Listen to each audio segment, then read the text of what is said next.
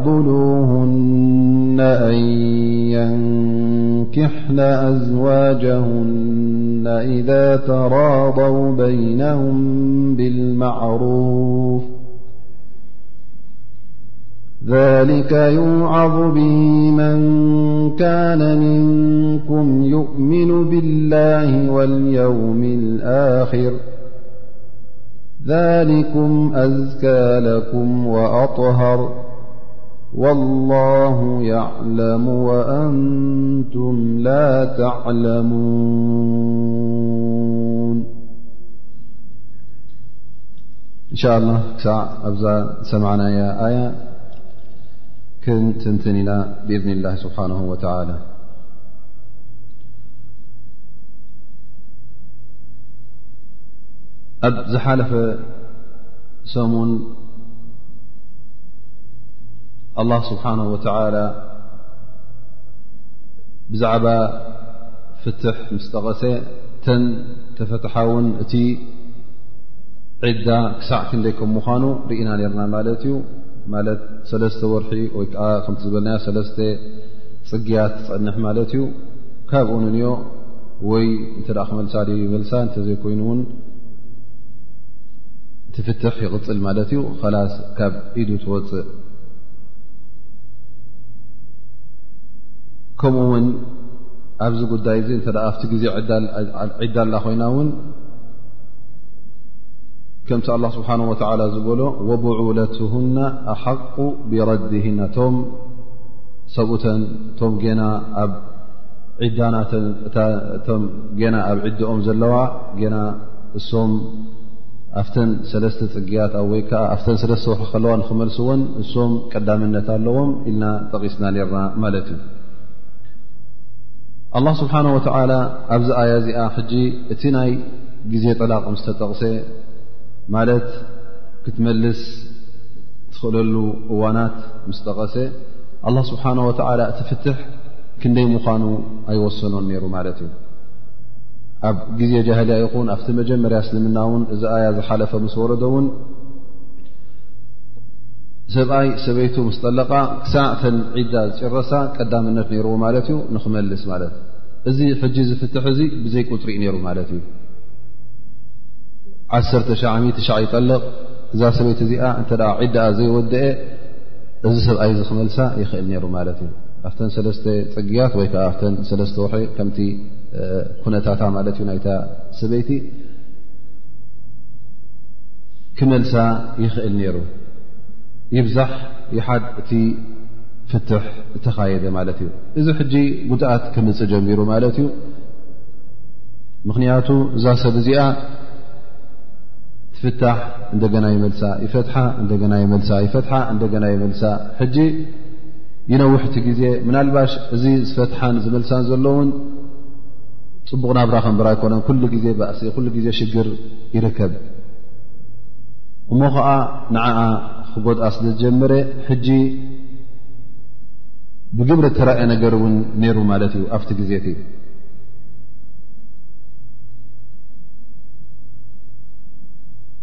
እነቢ صለ ላሁ ለ ወሰለም ሓደ ግዜ ሓንቲ ሰበይቲ ትመፆም ማለት እዩ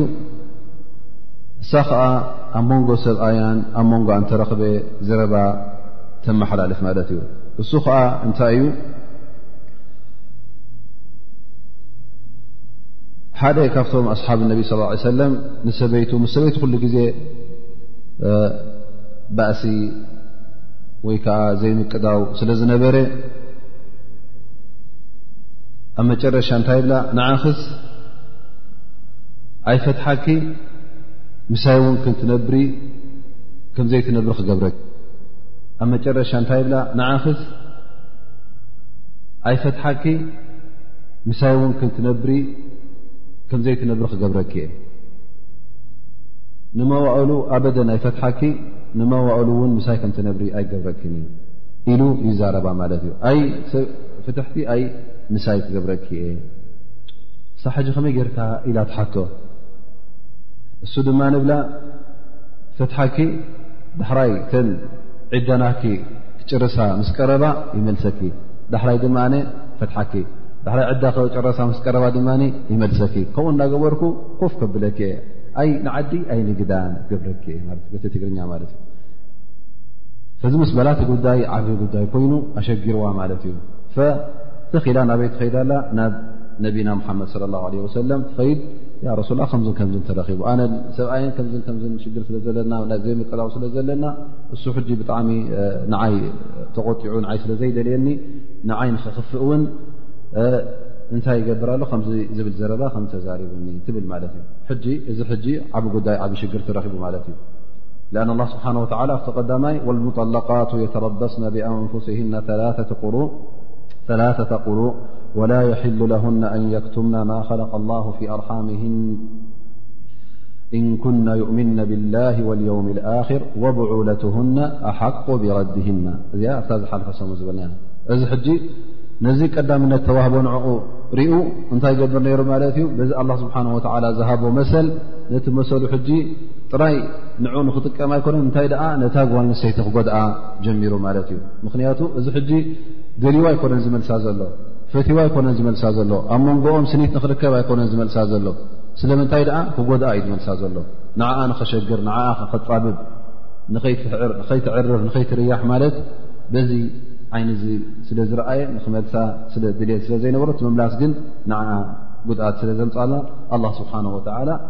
እዛ ሎም መዓልቲ ዝቐረእናያ ቀዳመይቲ ኣያ ኣጠላቁ መረታን ኢሉ ትፍትሕ ካብ ክልተ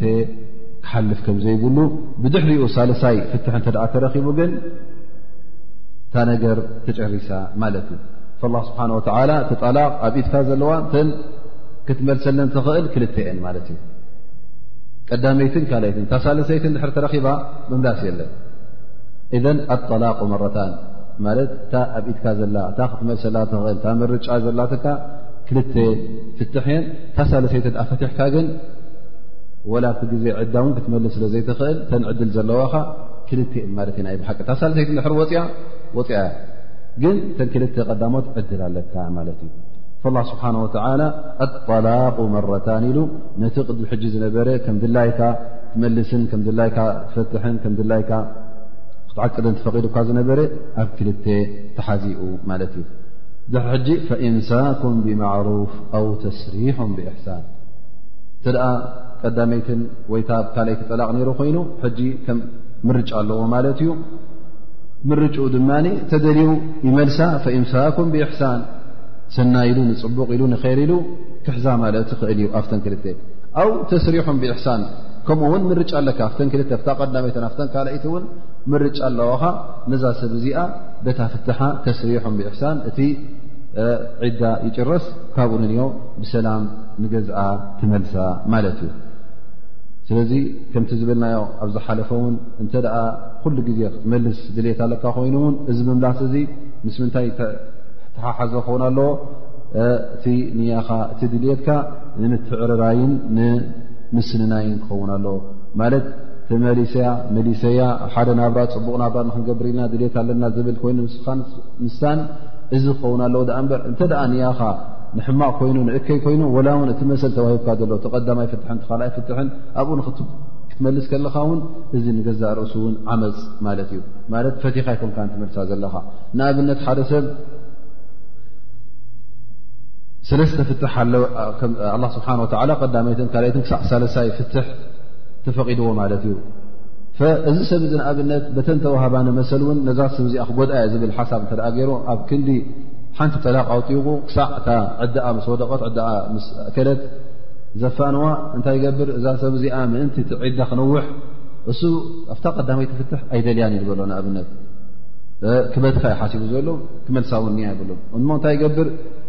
መጀመርያ ሓንቲ ፍትሒ እባ ትኸይድ ትኸይድ ሰለስተ ውሑ ወይከዓ ሰለስተ ፅግያታ ምስ ጨረሰት መሊሰያ ኣለኹ ብል ፅንሕ ኢሉ ድማ እታ ካልይቲ ውዲቀያ ብል ድሕሪ ክልተ ሰለስተ መዓልቲ ሕጂ እንታይ ክትከውን እያ ዛ ሰብ እዚኣ ዳርጋ ዓመት ትቕፅል ማለት እቲ ታሳል ድሕሪኡ ድማ ጭርስ ምስ ቀረበት መሊሰያ ኣለኹ ብል ምስ መለሳ ድማ ቁሩብ ፅንሕ ኢሉ ዓርዩ ከይመለሳ ከሎ ዋላ ገንዘብ ከይተዋልኦ ፈትሐያ ኣለኹ ሳልሰይቲ ሕጂ ንብል ሕጂ እንታይ እዩ ትንያናቱ ሕጂ እዛ ሰብ እዚኣ ቀልጢፋ ከይትካረጅ ቀልጢፋ ድማ ናብ ካልእ ንኸይትምርዖ ኢሉ እዚ ፀሊም ሓሳብ ወይ ከዓ ኣብ ንያኡ ኣብ ልቦ ሕማቕ ሓሳብ ኣሕዲሩ ክነውሕ ኢሉ እተ ሓስብ ኣሎ ኮይኑ እዚ እውን ሓደ ዓመፅ ወይ ከዓ ዙሉም እዩ ዝሕሰብ ስለዚ እንተ ደኣ ኣላ ስብሓን ወተላ ንዓኻ ሂቡካ ዘሎ ዝመሰል ናይ ምፍታሕ ናይ ፍትሕ ካብ ኢትካ ካብ ኣንሓስካ ዝወፅእ ነገር ካብ ኮነ እዚ ጉዳይ እዚ ከምቲ ኣላ ስብሓን ወተላ ዝሓበረካን ከምቲ ነቢና ሙሓመድ ለ ላ ለ ወሰለም ዝሃቡካ መምርሒን ንዕኡ ተኸቲልካ ቀጢልካ ክትከይድ ኣለካ ደኣ እምበር ነቲ መሰል ሕማቕ ጠቓቕማ ክትጥቀመሉ የብልካን ንኻልቕ ክትጎድኣሉ እውን ክትፍትን የብልካን ኣላ ስብሓን ወተላ ኣው ተስሪሖም ብእሕሳን ሓታ ትፍትሕ ትምፍናው ክኸውን ከሎውን ብእሕሳን ክኸውን ኣለዎ ብእሕሳን ማለት ናይ ግድን ኣይኮነን እናተፃረፍካ እና ኣካፋእካ እዛ ሰብ እዚኣ እናበልካ ሰብ ክሰብ እናሰምዐ ብሕማቕ ዘረባን ብሕማቕ ፀርፍን ብማህረምትን ክተውፅእ ኣለካ ኣይኮነን ዝብል ዘሎ ተባኢስካ ብቡኛ ትፋትሑ ኣይኮነን ተስሪሑም ብእሕሳን ትፍትሕ ክኸውን ከሎውን ብእሕሳን ክኸውን ኣለዎ ብሰላም ክኸውን ኣለዎ ብፅቡቕ ብስኒት ክኸውን ኣለዎ ተሰማሚዕካ ጥያቃ ክትባ ከለኻ ፍትሓ ክትባ ከለኻ ብሰናይ ኣገባብ ጌርካ ክትህባ ኣለካ ላ ስብሓን ወተላ ኣብዚ ኣያ ውን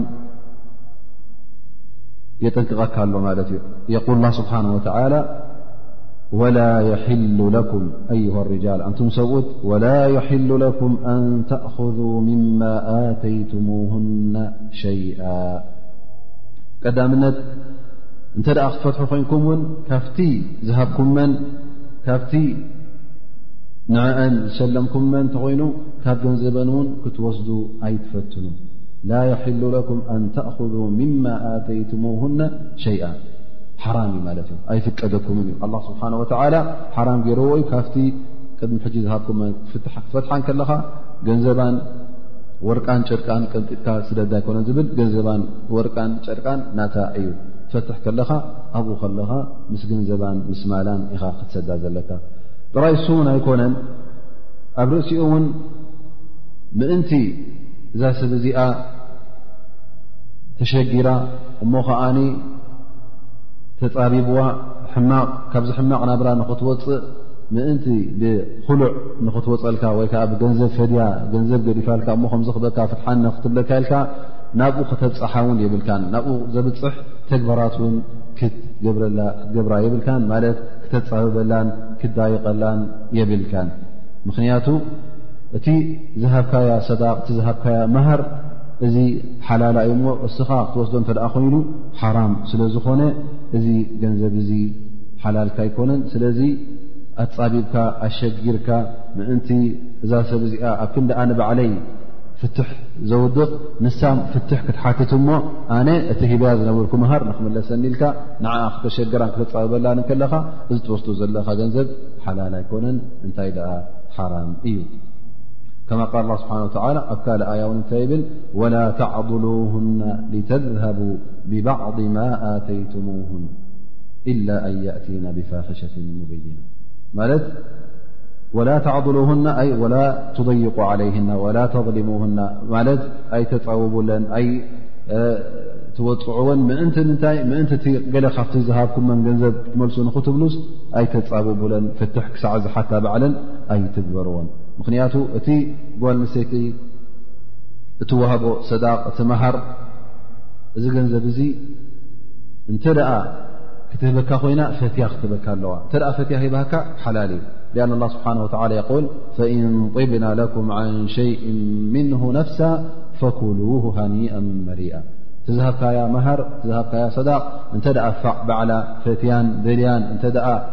ጆባ ኢላ ሂባካ እዚ ፈክሉ ሃኒ ኣመሪኣ ብልዕዎ ስትይዎ ከምድላ ይኩም ምክንያቱ ዝኾነ ይኹን ገንዘብ እቲ ገንዘብ ኣስላማይ ኩሉ ግዜ ሙሓረም እዩ ማለት ብዘይ ፍቃዱ ክትቀርቦ ይብልካን እሳ ሰበይትኻ ትኹን ኣ በር እስኻ ሰብኣያ ኹን ኣ በር ናህካን ናታን ገንዘብኩምን በበይኑ እዩ እሳ ገንዘብ ኣለዋ እስኻ ገንዘብካ ኣለዋ ሊዛሊክ ኣላ ስብሓን ወተዓላ ሕጂ ብዛዕባ ናይ መሃር ክጠቅስ እንከሎ እቲ ዝሃብኩመን መሃር ንኸትወስድዎ ኣገዲድኩም ንኸትምንጥልዎን ወይ ከዓ ብገለ መለ ሒላ ወይ ከዓ ገለ ቐሸሽ ጥበራ ገርኩም ንክትወስድዎ ተጠዊኹም እውን ኣይትፈትኑ ብለካ ኣሎ ፈማ ባሉ ገንዘባ ኣስለን ካብ እንዳ ኣቦኣ ሒዛቶ ዝመፀት ወይ ከዓ ባዕላ ዝሰራሓቶ ወይ ከዓ ባዕላ ዝተሸለመቶ ወይ ስድራኣ ዝሃብዋ ሃድያ እንተደኣ ኮይኑ ድማ ዝዓበየ ማለት እዩ እዚ ፈፂሙ ኣይኮነ ዶ እቲ ባዕላ ሒዛቶ ዝመፀት ገንዘብ እቲ እስኻ ዝሃብካያ ማሃር ኢልካ ዝሃብካዮ ንኡ ንክትወስው ግን ብዘይ ፍቓዳ ፈፂሙ ኣይፍቀደካን እዩ ስለዚ ጓንስተይቲ ሰበይትኻ ትኹን ዳኣ እበር እቲ ገንዘባ ገንዘባ እዩ እተ ክትወስድ ኮንካ ፍቓድ ኢልካ ክትወስድ ኣለካ እንተ ብዘይ ፍቓዳ ወስካ ዘይ ሰበይታ ኢልካ እ ወሲድካ ገንዘብ ሓራም ትወስድ ኣለኻ ማለት እዩ እ በሊዕካዮ ደቂ ካብ ልዕካዮ ውን ገንዘብ ሓራም ኣብልዕካዮ ማለት እዩ ፅባሕ ንግሆ ኣላ ስብሓን ወተላ ክሓተካ እዩ ኣ ስብሓን ወተላ ذ قدي نخيركب فتنقل ولا يحل لكم أن تأخذوا مما آتيتموهن شيئا ولا وحد يخن شيئا ولا قلل نجر يኹن نخيتوس الله سبحانه وتعالى كلكلكم إلا حج استثناء م إلا أن يخاف ألا يقيم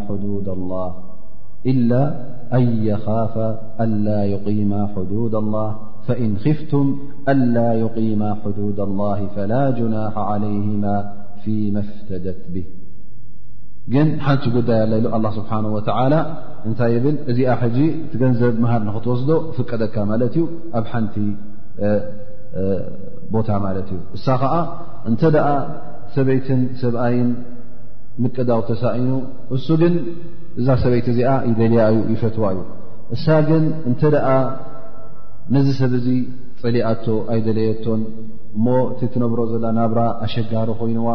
እሞ ከዓ እንተ ደኣ ክትቅፅል ኮይናስ እቲ ኩሉ መሰላቱ እቲ ኣላ ስብሓን ወተዓላ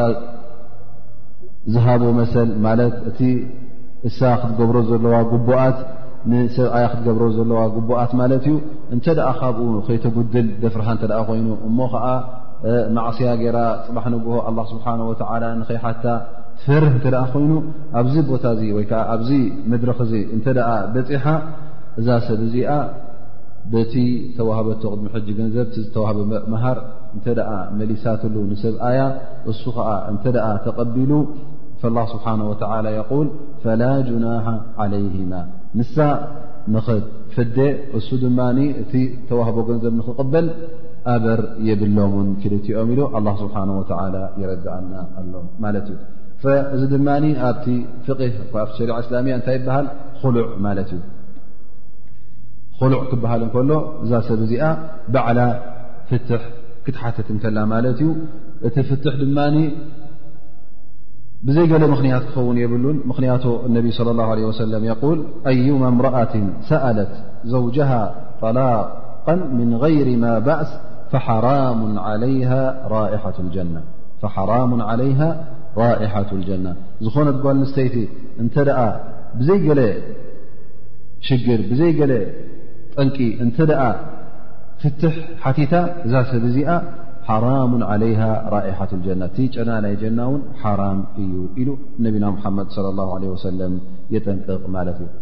ግን እንተ እዛ ሰብ እዚኣ ከምቲ ዝበልናዮ ነዚ ሰብ እዚ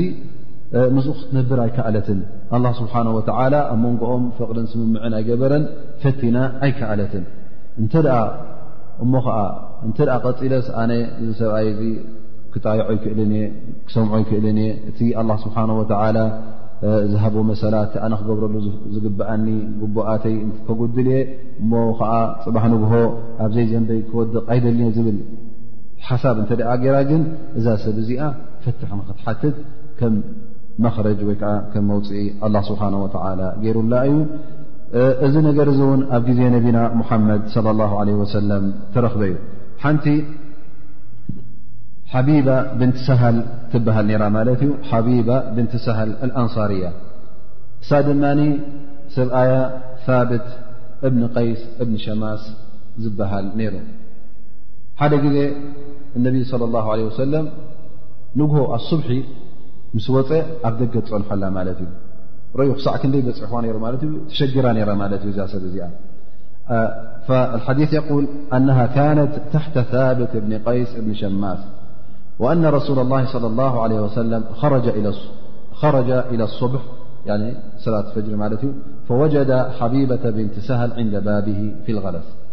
فقال رسول الله صلى الله عليه وسلم من هذه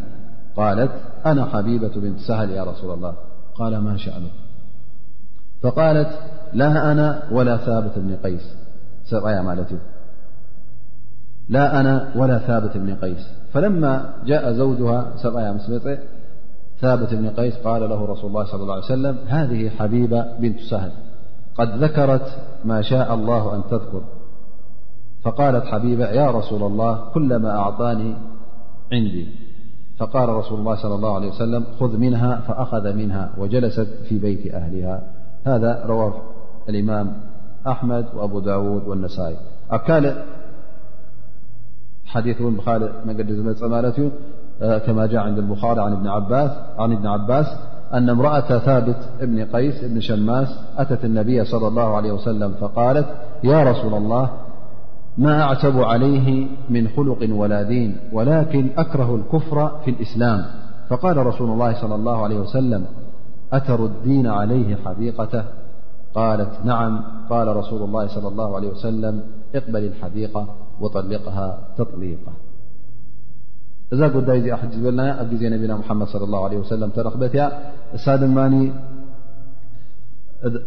ሓቢባ ትበሃል ሰበይቲ ሰብኣያ ሳብት ዝበሃል ነይሩ ናብ ነቢና ሙሓመድ ለ ላ ለ ወሰለም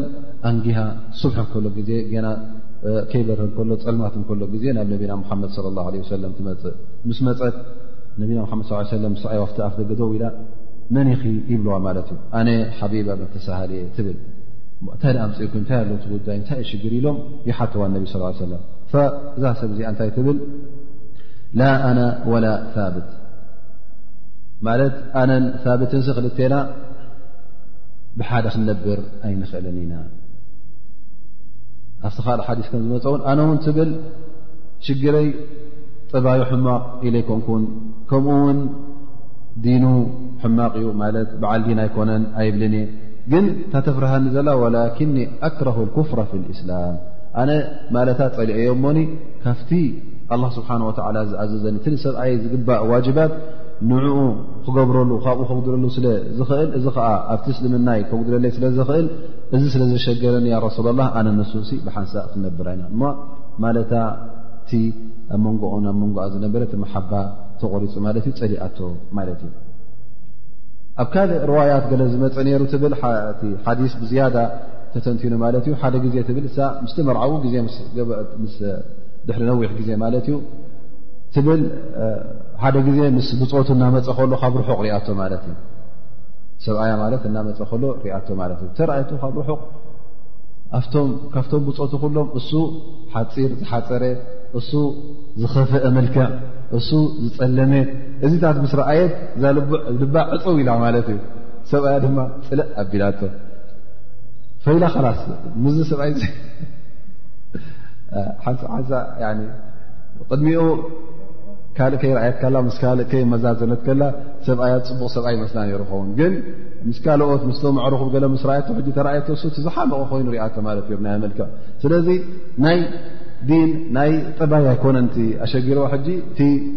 ጉዳይ ሕጂ ልባ ተዓፅዩ ማለት እዩ ናይ ፍቕሪ ጉዳይ ማለት እዩ ስለዚ ምስኡስ ክነብር ኣይክእልን የላ ነቢና ሙሓመድ ዝነብ ነቢ ስለ ላ ለ ሰለም ንዓ ኢሎም ይፅውዕዎ ንሳብት እብኒ ቀይስ እዛ ሰበይቲ ካ እዚኣ ቐድ ዘከረት ማሻ ኣላ ኣንተስእሞም እቲ ኣላ ስብሓን ወተላ ዘኽኣላ ዘረባ ተዛሪባላ ሰበይትኻ እሞ እዛ ሰብ እዚኣ ክትፈትሓ ክትገድፋ እሞ ያ ረሱላ ኣነ እቲ ዝበለፀ ማለይ እቲ ሰዳቅ ዝሃብክዋ ትምሃር ዝሃብክዋ ዝበለፀ ማለይ ሂበያ ነረ ይብል ማለት እዩ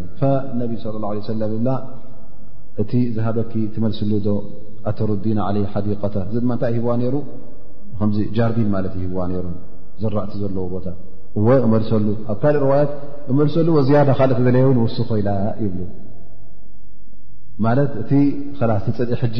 ከምዝበርትዐ ብሓደ ክነብሩ ከምዘይክእሉ ማለት እዩ እነቢ ስለ ላሁ ለ ወሰለም እታ ሓዲቃ ወይ ከዓ እታ ጃርዲን ከምትመልሰሉ መለስ ተቐበላ ስኻ እታ ዝመለሰትልካ ተቐበል ፍትሓያ እውን ይብልዎ ማለት እዩ እዚ ሰብ እዚ ይፈትሕ ማለት እዚ እቲ ሉዕ ዝበሃል ሉዕ ክበሃል ከሎ ሕጂ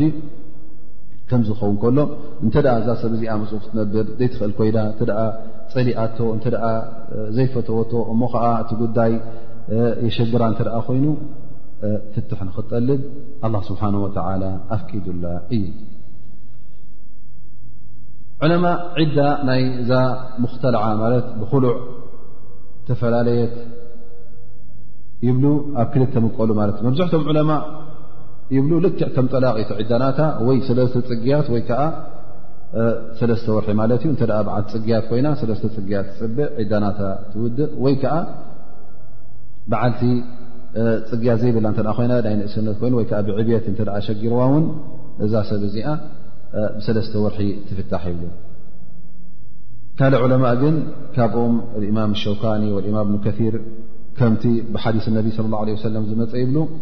ዕዳናታ ሓንቲ ፅግያት እያ ሓንቲ ፅግያት እተ ገይራ ጥንሲ ከም ዘይብላ ስለተፈልጠት ብኣ ትጭረስ ይብሉ ምኽንያቱ ኣብ ኩሉዕ ንገዛእ ርእሱ ምምላስ ዝበሃል የለን እተ ኩሉዕ ተገይሩ ሰብኣይ ንክመልስ ምርጫናቱ ይኮነን ስለዚ ዕድል ክወሃብ ኢልካ ዝሕሰብ የለን ኣ ነቢ ስለ ላ ለ ሰለም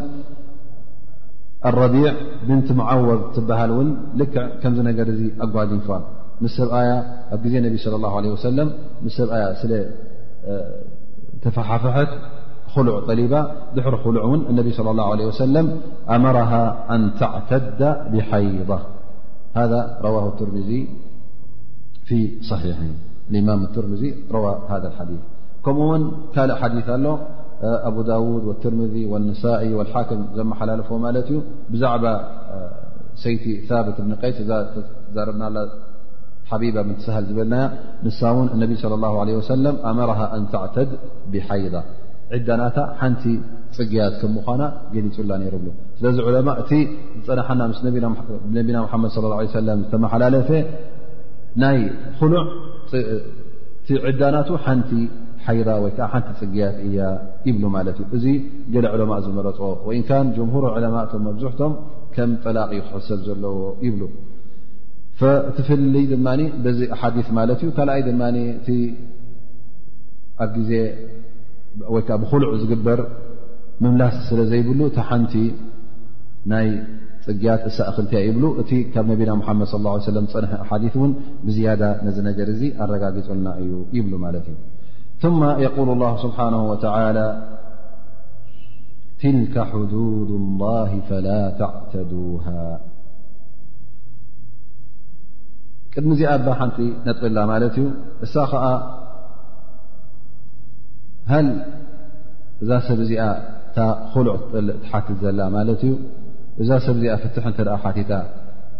ሃል ሰብኣያ ካብቲ ዝሃባ መሃር ካብቲ ዝሃባ ሰዳቕ ዝያዳ እንተጠለበ ወይ ከዓ ዝያዳ እንተሃበቶ ይወስድዶ ኣይወስድን ትብል ዕለማ ይብሉ ኣላ ስብሓን ወተዓላ ኣብዚኣ ሕጂ ፊማ ፍተደት ብሂ ስለ ዝበለ ኣይወሰኖን ወነቢ ስለ ላሁ ለ ወሰለም እውን ኣይወሰነን ስለዚ ይብሉ እንተ ዝያዳ እንተሂባቶ ወይ ከዓ ዝያዳ እንተወሰደ ካብቲ ዝሃቦ መሃር እውን ይፍቀድ እዩ ጃኢዝ ይብሉ ግን ዕለማ እብሉ እቲ ዝበለፀ ዝሓሸን እዚ ሰብ እዚ እንተወሰደ ልክዕ ከምታ ዝሃባ ክወስድ ኣለዎ ከምታ መሃርናቱ በሪ ካብኡ ንላዕሊ ክወስድ የብሉን ይብሉ እዚ ትማእከላይ ርእቶ ማለት እዩ ኣሎ ካልእ ርእቶ እውን እብሉ ፍርቆም ዕረ እሱ ይኮነን እንታይ ደኣ እዚ ሰብ እዚ እውን ካብኡ ጎደሎ ክወስድ ኣለዎ ምኽንያቱ እዛ ሰብ እዚኣ ምዝ ስለ ዝነበረት ብማዕሩፍ ከፋንዋ ኣለዎ ስለዚ እቲ ማዕሩፍ ድማ እቲ ቅድሚ ሕጂ ምስኣ ዘሕለፎ ግዜ ርኡስ ካብቲ ዝሃባ እውን ከጉድለላ ኣለዎ ዝብሉ ኣለዉ ላኪን እቲ ማእከላይ ርእቶ እቲ መብዝሕቶም ዕለማእ ዘለዎ ልክዕ ከምቲ ዝሃባ እንተወሰደ ምንም ሽግር የብሉን እሱኡ እውን እቲ ዝሓሸ ንዓኣን ንዕኡን ልቦም ዝፀርየሎም ይብሉ ማ የቁል ስብሓ ወተላ ትልካ ሕዱድ ላ ፈላ ተዕተዱሃ እዚ ኣላ ስብሓን ወተላ ዘብርሃልኩም እዚ ኣላ ስብሓን ወተላ ዝገለፀልኩም ኣብዚ ኣያ እዚኣ እዚ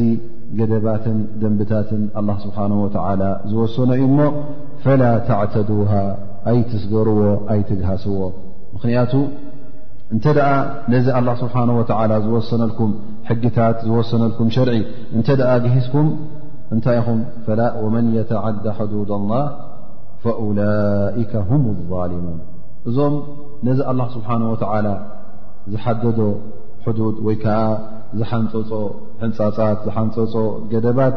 እዞም ዝሰግሩ ሰባት ነዚ ዝሰግሩን ነዚ ዝግህሱን እዚኦም እቶም ጣዕሚ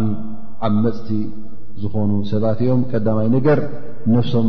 ዓሚፆማ ማለት እዩ ምክንያቱ ዘንቢ ኣሰኪምዋ ማለት እዩ ካልኣይ ነገር እውን ነታ ሓፍቱ እስላመይቲ ይዕምፅ ኣሎ ማለት እዩ ብዝያዳ ድማ ሓፍትኻ እስላመይቲ ክትዕምፅ ከለኻ ልክዕ ነፍስኻ ከምዝዓመፅካ ክትቆፅር ኣለካ ምክንያቱ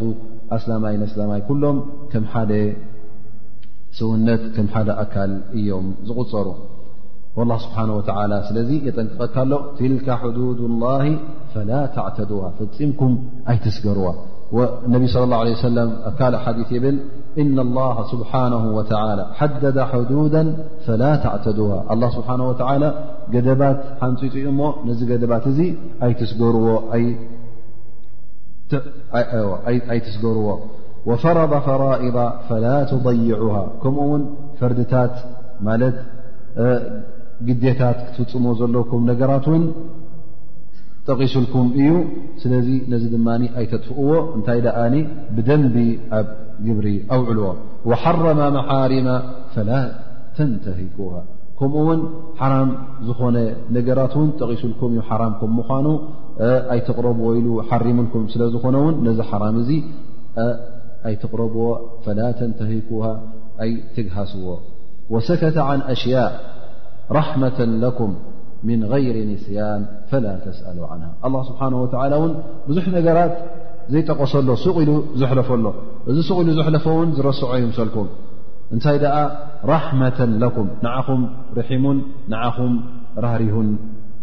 ኣላ ስብሓን ወተዓላ ብዙሕ ነገራት ኣብኡ ከሎ ሱቕ ኢሉ ሓሊፍዎ ኣሎ ስለዚ ኣይትሕተቱ ብዙሕ ብዛዕባ እዚ ሱቕ ኢሉ ዝሓለፉ ኣላ ስብሓን ወተዓላ ብዙሕ ኣይትሕተቱ ምኽንያቱ ብሰንኪ ሕቶኹም ብሰንኪ ንስኹም ዝሓተትኩሞ ሕቶ ክሕረም ስለ ዝኽእል ኣይትሕተቱ ኢሉ ኣነቢ ስለ ላሁ ለ ወሰለም ነቶም ብፆቱ ከምዚ ገይሩ ጠቒሱሎም ፈላ ስብሓን ወተዓላ ትልካ ሕዱድ ላ ፈላ ተዕተዱሃ እዚ ኣላ ስብሓን ወተዓላ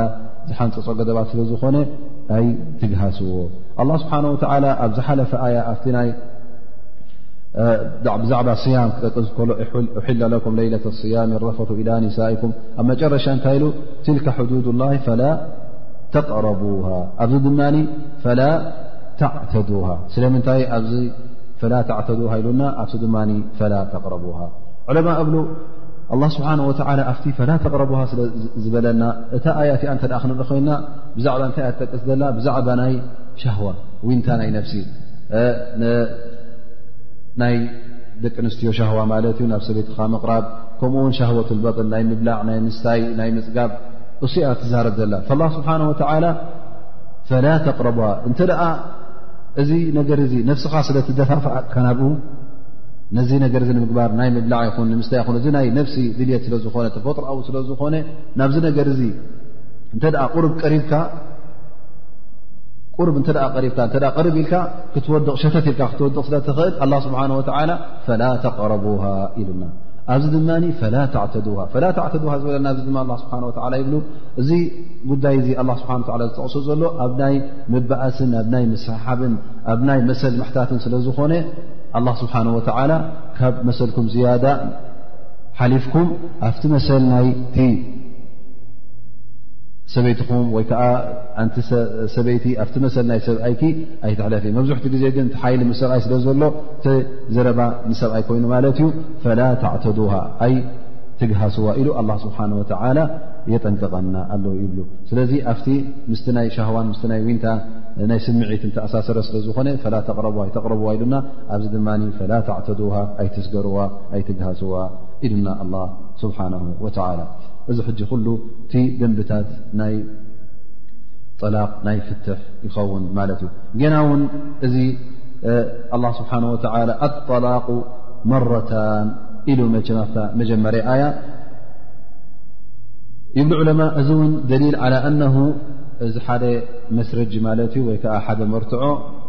ጠላቕ ክኸውን ከሎ ኣጠላቁ ጠልቀታን ኣይበለናን እንታይ ኣ ኣጠላቁ መረታን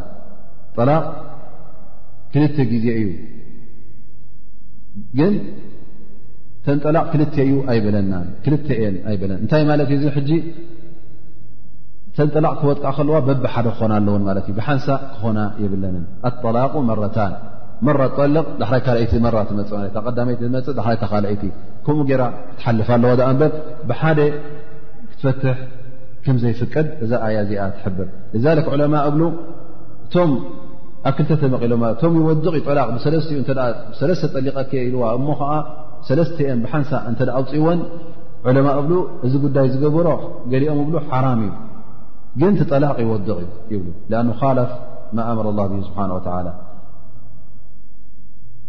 ካልኦት ዕለማ ኣብሉ ግን እዚ ጠላቕ እዚ ሓንቲ ጠላቕ እዩ ዝሕሰብ ምክንያቱ ሓታ ኣብ ግዜ ነቢና ሓመድ ለ ላሁ ለ ሰለም ከምዚ ዓይነት ገይሮም ዝፅልቑ ዝነበሩ ነቢ ስ ሰለም ሓንቲ እዩ ዝቆጥራ ነይሩ ግን ኣብ ግዜ ዑመር ብንኸጣብ እዚ ጉዳይ እዚ ክበዝሕ ምስ ረኣዮ ሓደ ጠላቕ ብሚ ጠሊቐኪ ብሓምሳ ጠሊቕኪ ክፃወቱ ምስ ጀመሩ ብሰለስተ እዮን ጠሊቕ እዚኦም እንታይ ኢሉ ዑመር ብንኸጣብ እንታይ ገብር ጀሚሩ ማለት እዩ ነዞም ሰባት እዚኦም ደልዮማ እንዲኦም ብኢዶም እሞ ንዕም ንመቕፃዕቲ ከም ማለት እተን ሰለስተ ገር ሕጂ ከምኡ ዝበለ ሰለስተ ክሕሰባ እየን ሰበይቱ ኣይክትምለሶን እያ ኢሉ ሰይድና ዑመር ነዚ ነገር እዚ ከም መጠንቀቕን ከም መፈራርህን ገይሮም ተጠቒሞምሉ ማለት እዩ ሊክ እቶም ጠላቕ እውን ሰለስተ ዩ ብሓደ ይወድቕ እዩ ዝበሉ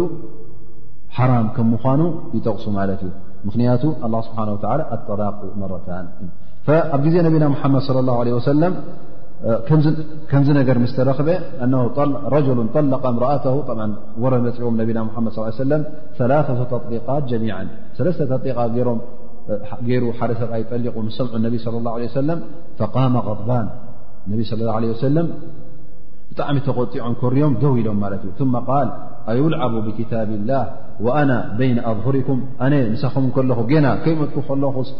ብክታብ ኣላ ስብሓን ወተላ ትላገፁ ብክታብ ኣላ ስብሓን ወተላ ትፃወቱ ኢሎም ብጣዕሚ ኮርዮም ማለት እዩ ሓታ ቃል ረጅሉ ፈቃል ያ ረሱላ ላ ኣላ ኣቅትልሁ ሓደ ካብቶም ኣስሓብ ነቢ ስ ሰለም ምስ ረኣይ ትቁጣዐ ናይ ነቢና ትነድሪ ናይ ነቢና ሙሓመድ ለ ላ ሰለም ምስ ረኣየ እዚ ነገር እዚ እውን ዓብ ነገር ኮይኑ ስለ ተሰምዖ ትስእ ኢሉ ያ ረሱል ላ እዚ ከም ዝገበረ ዶ ኮይደ ክሳዶ ቁርፅ ኣቢለ ዶ ቀትሎ ኢሉ ሓቲቱ ማለት እዩ እዚ ሕጂ እንታይ ዘርእካ እነቢ ስለ ላ ለ ሰለም ነዚ ነገር እዚ ዓብ ጌጋ ከም ምኳኑ ዓብ ድማ ላ ስብሓ ወላ ነቢና ሓመድ ነቢና ዝተቆጥዕሉ ኣላ ስብሓ ወላ ስለ ዝቁጣዓሉ እዩ ብድሕሪ እዚ እንተ ደኣ ተን ክልተ ጠላቕ ጠሊቑ እሞ ከዓ ኣፍታ ሳልሰይቲ ሓሊፉ ከ እንታይ ይገበር እሞ ከዓ ክመልሳ ደልዩ ኣሎ ሰባት እጥልቑ ጥልቑ ኣብ ሳለሰይ ጠላቕ ምስ ወደቐ ሽዕኡ እንታይ ክገብሩ ጅምሩ ክሓቱ ጅምሩ ኣብቲ ዓለም ኸድ ኣብቲ ኸድ ኣንታ ከም ዝተረኺባ ቀደም ከይጥንቀቕ ቀደም ከይሓትት ሕጂ እታ ሽግር ምስ ተረኽበት እታ ጉዳይ ምስ ዓበየት እቲ ነገር ካብ ኢድ ምስ ወፀ ክሓትትን መፍትሒ ክደልን ይጅምር ማለት እዩ ላ ስብሓን ወተላ እዚ ጉዳይ እዚ ኣብዚ ነጥቢ እዚ እውን ይጠቕሶ ማለት እዩ እንተ ሰን ክልተ ተዋህባኻ ዕድል ተጠቒምካ ኣለንሞ ኣፍታ ሳልሰይቲ እተ በፂሕካኸ እንታይ ይኹን የቁል ላ ስብሓን ወተላ ፈእን ጠለቀሃ ፈላ ተሕሉ ለ ምን ባዕዱ ሓታ ተንኪሓ ዘውጀ ንغይራ እዚ ሰብ እዚ ተን ክልተ ጠላቕ ጠሊቑ እሞ ከዓ እታ ሳልሰይቲ ጠላቕ ክልተ ጠላቕ ጠሊቑ ማለት እሞ መሊስዋ ማለት እዩ ብሓዱሽ ዓቕዲ ይኹን ብረጅዓ ገይሩ እተን ክልተ ትጨሪሰን ከለዋ እሞ ናብ ሰለስተ ሳልሰይቲ እተ ሓሊፉ እዚ ሰብ እዚ ፈፂሙ ንኽመልሳ ኣይፍቀዱን እዩ ኢላ ሓታ ተንኪሓ ዘውጀ ይራ ካልእ ሰብኣይ ክትምርዖ ኣለዋ ማለት እዛ ሰብ እዚኣ ካልእ ሰብኣይ ምስ ተመርዓወት ብድሕሪኡ እዚ ሰብ እዚ እንተጠሊቕዋ ወይ ከዓ እንተሞይቱ ወይ ከዓ ብዝኾነ ጉዳይ ከኣ ተፈላልዮም ብድሕሪኡ ንኽምርዓዋ ንኽምለሳ ትፍቀዶ ማለት እዩ እዚ እቲ መፍትሒ ናይዚ ጉዳይ እዚ ምክንያቱ እዚ ሰብ እዚ ቀዳማይ ጠላቕ ካልኣይ ጠላቕ ኣውጢቑ ኣብ ሳልሳይ ካብ ሓለፈ እዚ ሰብ እዚ እንታይ ክእረም ምእንቲ ክፈልጥ ኣሎ ማለት እዛ ሰብ እዚኣ ኩሉ ግዜ ኢዱ ከም ዘይኮነት መፃወቲ ከም ዘይኮነት እሞ ካልእ ሰብ ክምርዓዋ ከም ዝኽእል ኣብ ካልእ እውን ክትከይድ ከም ትኽእል እዚ ንዕኡ እዚ መረድኡ ክኾኖ ማለት እዩ እዚ ካልኣይ መርዓ ዝግበር እውን ዝኾነ ስእላዊ መርዓ ኣይኮነን እንታይ ደኣ ናይ ብሓቂ መርዓ ክኸውን ኣለዎ ጥራይ ዓቕዲ እውን ክኸውን ኣይኮነን እንታይ ደኣ ኣብ መንጎቲ ሓድሽ ሰብኣይን ኣብ መንጎታ ሰበይትን እውን ንቡር መርዓ ንቡር ርክብ ክኸውን ኣለዎ ማለት ስጋዊ ርክብ ክፍፀም ኣለዎ ማለት እዩ እቲ ዓቕዲ ንገዛእ ርእሱ ዓቕድ ሰሒሕ ቅኑዕ ዓቕዲ ክኸውን ኣለዎ ማለት ብፍቓድ ወል ኣምራ ማለት ወል ዘለዎ መሰኻኽር ዘለዎ ሸሪዓዊ መርዓ ክኸውን ኣለዎ ማለት እዩ ከምኡ እውን ክራኸቡ ኣለዎ ማለት ስጋዊ ርክብ ክፍፀሙ ኣለዎ ማለት እዩ እዛ ሰብ እዚኣ እንተ ወላ እውን ብዘይ ሸሪዓዊ መገዲ እተ ስጋዊ ርክብ ፈፂማ ክትምለሶ ኣይትኽእልን እያ ስለዚ እቲ ዘድሊ እንታይ እዩ ሉ እኹል መርዓ ምሉእ መርዓ እቲ መርዓ እውን ክምርዖ ከሎ ናብቲ ቀዳማይ ሰብኣያ ንክትምለስ ዝብል ንያ ክህሉ የብሉን ኣ ጉዳይ እ ተ ተረኪቡ እዚ እንታይ እዩ ዝሕሰብ ልክዕ ከምቲ ነቢ ለ ለ ሰለም ክሕብሩ ከለዉ ዕባር ዓን ኣቴስ ኣልሙስተዓር እብልዎ ማለት እዩ ማለት ወጠጦ ልቓሕ ማለት እዩ ከም ተለቅሕካ ትምፅ ወጠጦ ዘይናካ ወጠጦ ማለት ከምኡ ማለት እዩ እዚ እውን ኣብ ግዜ ነቢና ሙሓመድ ለ ላ ለ ወሰለም ተረክበ ነይሩ ማለት እዩ ሓንቲ ሰበይቲ ሰይቲ ሩፋዓ ትበሃል ነራ ሰይቲ ሩፋዓ ኣልቁረዚ إذا سب حد ز نب نبينا محمد صلى الله عليه وسلم م ملت مس نبنا محمد صى اله عليه وسلم ون أبو بكر نر خلقت و نرم مالت حتى عئشا ون نر فقالت ذا سب نتي تبل يا رسول الله إن رفاع طلقني البتة وإن عبد الرحمن بن الزبير تزوجني وإنما عنده مثل الحدبة وأخذت هدبة من جلبابها وخالد بن سعيد بن العاس بالباب لم يؤذن له فقال يا أبا بكر ألا تنهى هذه عما تجهر به بين يدي رسول الله صلى الله عليه وسلم فما زاد رسول الله - صلى الله عليه وسلم - على التبسم فقال رسول الله صلى الله عليه وسلم - كأنك تريدين أن ترجعي إلى رفاعة لا حتى تذوقي عسيلته ويذوق عسيلتك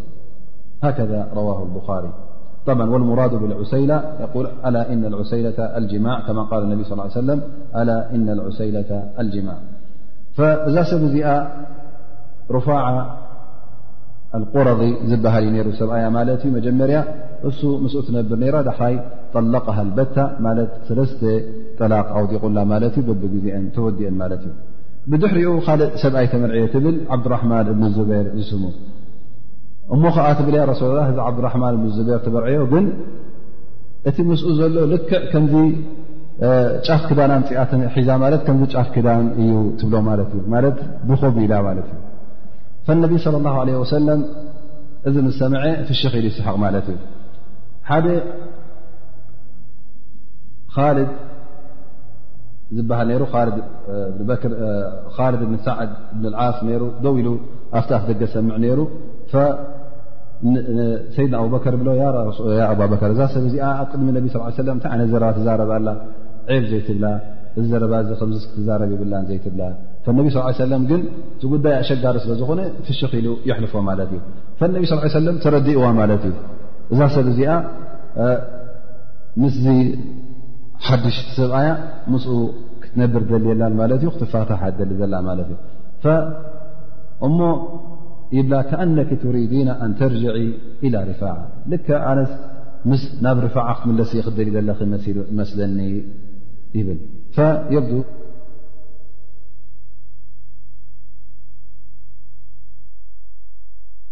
ኹል ርክብ ክህሉ ኣለዎ ምሳኺ ማለት ንዝስ ሓደሽ ሰብኣይኪ ዘለኽዮ ልክዕ ከም ሰብኣይኪ ምስኡ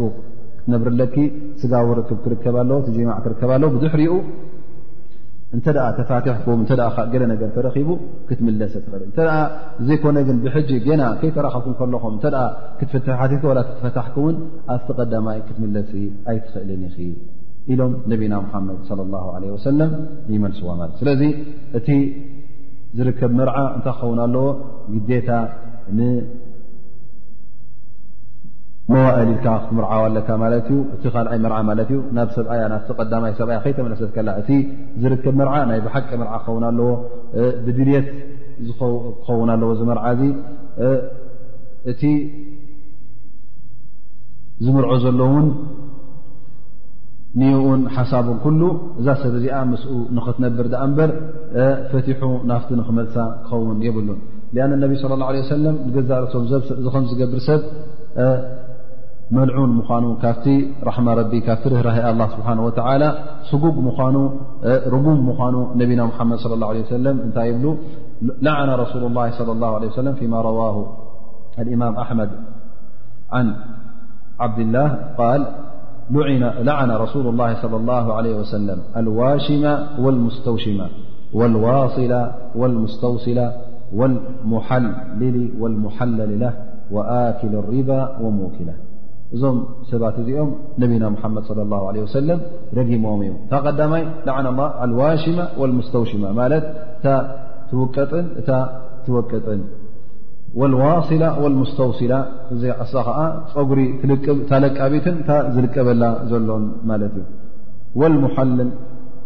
ወልሙሓለል ኢላ ማለት እቲ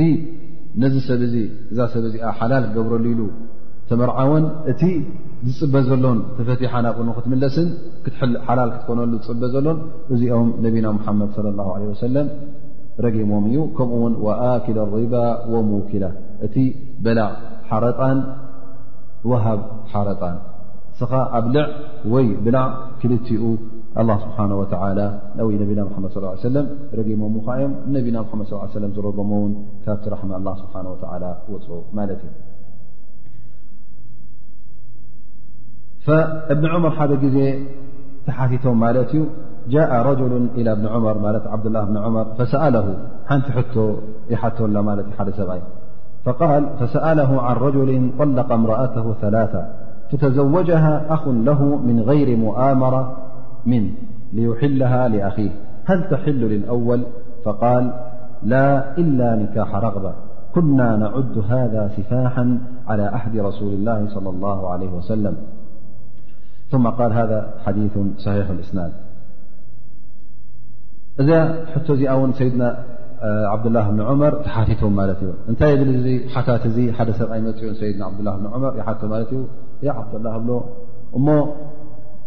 ሓደ ሰብ ንሰበይቱ ሰለሰ ጠሊቕዋ እሞኒ ክልቲኦም ድማ ንኸምለሱ ድልት ኣለዎም እሞ ሕጂ እንታይ ገብር ሓደ ማለት እዩ ይብራዕ ማለት እዩ ከይ ነገሮም እከሎ ላ ነዚ ነገረ ላ ነታ ሰበይቲ ነገረ ላ ነተ ሰብኣይ ነገረ እንታይ ደኣ ሸፈቃ ሒዝዎ ማለት እዩ ባዕሉ ሸፈቃ ሒዝዎ እሞ ምስ ኣይተሰማምዐ ምስታ ሰበይቲ ተሰማምዐ እሞዚ ሰብ እዚ ዓቕዲ ተገብረላ ኸ ዓቕዲ ገይሩ ተመርዕኡ ድሕሪ ኣብ ውሑድ መዓልታት እንተፈትሓኸ ትምለስ ዶ ኣይትምለስን ናብቲ ቀዳማይ ሰብኣያ ኢሉ ይሓትት ማለት እዩ ዓብዱላህ ብን ዑመር ይብል ላ ይብሎ ትመርዓ ክበሃል እንከሎ ኢላ ኒካሓ ረቕባ ብድልት ክኸውን ኣ ዛ ሰበይቲ እዚኣ ክትምርዓዋ ከለኻ ንዓኻ ንነፍስኻ ደሊኻያ ክትምርዓዋ ኣለካ ዳኣ እምበር ወላ ኣብ መንጎኦም ቆልዑት ጠፊኦም ንኽዕረቑ ንኽምለሱ ቆልዑቶም ንኽእከቡ ኢልካ እዚ ናይ ሸፈቓ ናይ ገለ እዚ ኣየድልን እዩ እንታይ ደኣ ናይ ብሓቂ ብድልትካ ደሊኻ እዛ ሰብ እዚኣ ኣፍቅርካ ፈቲኻ ክትምርዓው ኣለካ ዳኣ እምበር እንተ ከምዚ ዘይኮነ ኣብ ግዜ ነቢና ሙሓመድ ስለ ላ ሰለ እዚ ከም ዝገብር ሰብ ወይ ከዓ እዚ ከምዚ ነገር እተ ተረኪቡ ሲፋሕ ማለት ዝምውና ኢና ንቆፅሮ ነርና ኣብ ግዜ ነቢና ሙሓመድ ስለ ላ ለ ወሰለም ኢሉ ዓብዱላ ብን ዑመር ረ ላ ን ይምልስ ማለት እዩ ስለዚ እንተ ክትሕለል ኮይና እተ ናብቲ ቀዳማይ ሰብኣያ ክትምለስ ኮይና ግዴታ እዚ ካልኣይ ሰብኣይ ንዕኡ ኢሉ ንዓይ ኢሉ ብፍቶትን ብድልትን ትመርዕዩ እሞ ብድሕሪ ዚ እንተ ፈትሕዋ ፈኢን ጠላቀሃ ፈላ ጅናሓ ዓለይማ ኣየተራጃ ብድሕሪ ዚ እንተ ተፈትሓ ካብቲ ካልኣይ ሰብኣይ ብድሕሪኡ ንክምለሱ ብሓድሽ ዓቕዲ ማለት እዩ ከም ሓዳሽ ሰበይቲ ብሓድሽ መሃር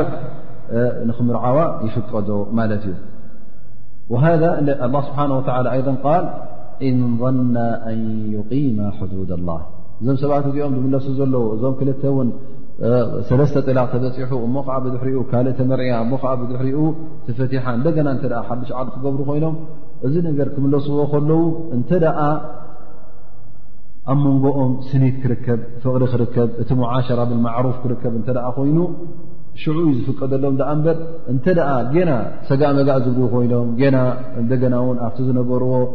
ዳንኬራን ኣብቲ ዝነበርዎ ምስሕሓብን ምጉጥጓጥን ዝበፅሑ እንተ ኮይኖም እዞም ሰባት እዚኦም እንተተረሓሓቁ ይሓይሽ ላ ስብሓን ወተላ ቃል ኢንና ኣን ዩማ ዱድ ላ ዱድ ላ ድማ እንተ ክልቲኦም እቲ ኣላ ስብሓን ወላ ዝሸርዓሎም መመሰሎም ሓልዮም ካብኦም ዝሕተት ግዴታን ካብኦም ዝሕተት ግቡእን እውን ንኡ እተ ኣማሊኦም ብሰናይ ኣገባብ እተ ክኸዱ ኮይኖም ኣላ ስብሓን ወላ ተተመለሱ እውን ምንም ኣበር የብሎምን ፈላ ጁናሓ ዓለይማ ፈፂሙ ኣበር ወይ ከዓ ዘንብን ሓጢኣትን የብሎምን ኣን የተራጃዓ እንና ኣን ይማ ሕዱዳ ወትልካ ሕዱድ ላ ዩበይኑሃ ሊቀውሚ ያዕለሙን ስብሓ ወላ እውን እቲ ናቱ ሕንፃፃት እቲ ናቱ ሕግታት እውን ኣላ ስብሓን ወተላ የብረሀሎ ንመን ነቶም ፈላጣት ነቶም ክፈልጡ ዝደልዩ ነቶም ፈሊጦም እውን ዝጥቀሙ ላ ስብሓን ወተላ እቲ ናቱ ሕዱድ ወይ ከዓ እቲ ናቱ ገደባት እቲ ናቱ ደንብታት ከብርህ ከሎ ንመን እዩ ዘብርሆ ንኩሉ ንምሉእ ኣስላማይን ንምሉእ ዓለም እዩ ዘብርህ ዘሎ ግን መን እዩ ዝጥቀም እቲ ኣላ ስብሓን ወተላ ኣእምሮ ዝሃቦ እቲ ዝፈልጥ እቲ ዝጠቕሞን ዝጎድኦን ዝፈልጥ እቲ ኣላ ስብሓን ወተላ ዕልሚ ዝሃቦ እሱ እዩ ዝጥቀም ስለዚ ሊቀውሚ ያዕለሙን ኢሉ ኣላ ስብሓን ወላ እንተ ደኣ እናሰማዕካን እናረኣኻን እናፈለጥካን እተ ዘይተጠቐምካሉ እንታይ ፋይዳ ኣለዎ ወላ ሓንቲ ፋይዳ የብሉን እሞ እንተ ዘይተጠቐምካሉ ጃሂል ኢኻ ትሕሰብ ግን እንተ ኣላ ስብሓን ወላ ዝሓንፅፀልካ ሓንፃፃት ተቐቢልካ ኣብ ግብሪ እተ ውዒልካ ንዕኡ ፈሊጥካ ውን እተ ቀጥ ኣቢልካ ሒዝካዮ ካብቶም ዕለማ ካብቶም ርዱዓት ውን ትኸውን ማለት እዩ ማ የቁል ስብሓን ወላ ጌና ኣብቲ ናይ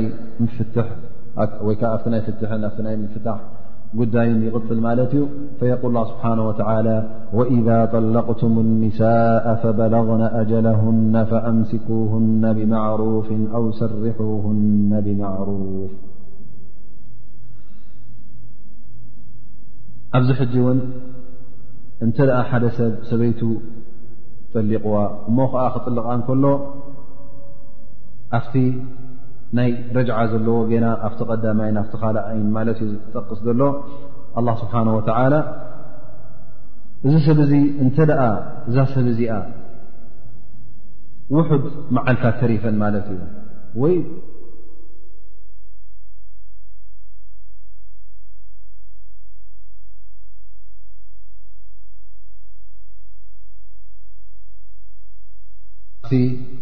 ናይ ረጅዓ ዘለዎ ጌና ኣብቲ ቀዳማይ ናብቲ ካልኣይን ማለት እዩ ዝጠቅስ ዘሎ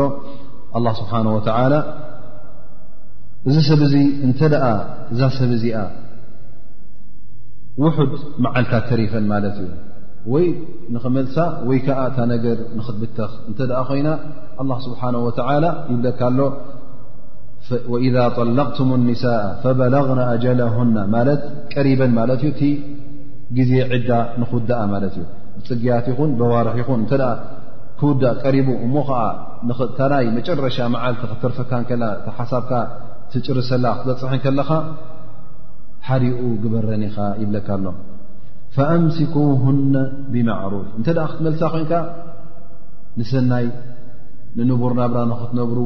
ንፅቡቕ ናብራ ኢልካ ክትመርሳ ኣለካ ማለት እዩ ኣው ሰሪሑሁና ብማዕሩፍ ወይ ከዓ ተፋንዋ እተ ኮንካ ብሰናይ ጌርካ ክተፋንዋ ኣለካ እዛ መጨረሻ መዓልቲ ዘላካ ተን ዕድል ተዋሃብኻ ክውዳ ምስ ቀረባ ሓንቲ መርገፅ ሒዝካ ወይ ከዓ ሓንቲ ውሳኔ ሓዝ እቲ ውሳኔኻ ድማ ክልትኡ ዘን ክልተ ምርጫ ኩለን ናብ ር ዝዘንበላ ክኾና ኣለዋን ናብ ሰናይ ናብ ንቡር ዘዘዋ ክኾና ኣለዎን ማለት ክትሕዛ ከለኻ ንፅቡቕ ሓሲብካ ንክትተዓረቑ ነቲ ዝነበረ ናብራ ክትተዓራርዩ ነቶም ደቅኹም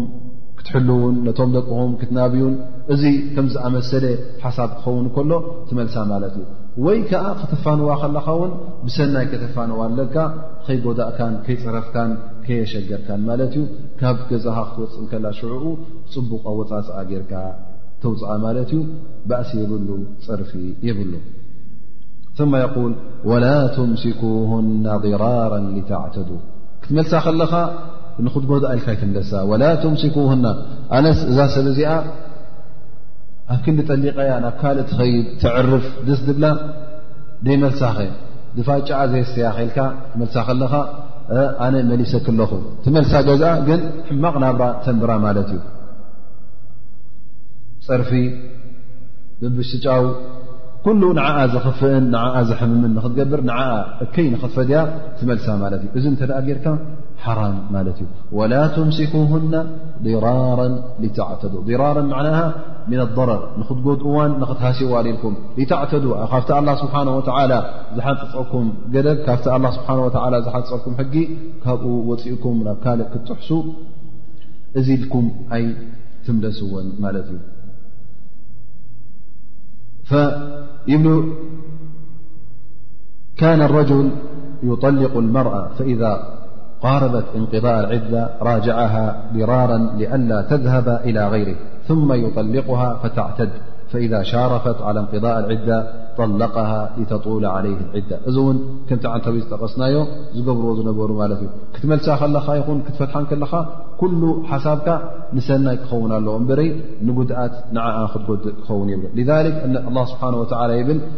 ወመን የፍዓል ዛሊካ ፈቐድ ዘለመ ነፍሰ እዚ እንተ ደኣ ጌርካ ንዓ ኣይኮንካ ትውፅዕ ዘለኻ ንመን ደኣ ነፍስኻ ካ ትውፅዕ ዘለኻ እወሳ ሎሚ ትሽገር ትኸውን ሎሚ ብዙሕ ሽግር ይወድቃ ኸውን ብዙሕ ትበሳጮ ትኸውን ግን ብዓብዩ እስኻ ነፍስኻ ኢካ ትውፅዕ ዘለኻ ምኽንያቱ ኣብዘይ ዘንብኻ ኣብዘይ ዘንብኻ ትወድቕ ኣለኻ ንኣላ ስብሓን ወተዓላ ትምእዘዝ የለኻን ማዕስያ ትፍፅም ኣለኻ ማለት እዩ ከምኡ ውን ከምቲ ዝበልና ዓንተቦይ እዛ ሰብ እዚኣ ውን ሓንቲ ካብቲ ስውነትካ ማለት እዩ ኣስላመይቲ ስለ ዝኾነት ኣስላም ውን ኩሎም ኣሕዋት እዮም ከም ሓደ ኣካል እዮም ዝቕፀሩ ንብል ኣለና እሞ ከዓ ነቲ ኣካልካ ትጎድእ ኣለኻ ማለት እዩ እንደገና ውን እዛ ሰብ እዚኣ ኣደ ደቅኻ ትኸውን እሞ ከመይ ጌርካስ ነዛ ኣቦይ ዝብልኻ ኣደይ ዝብልዋ ንዓኣ እሞ ነዛ ሰብ እዚኣ ክትጎድእ ከለኻ ልክዕ ነቶም ደቅኻ ትጎድእ ኣለኻ ማለት እዩ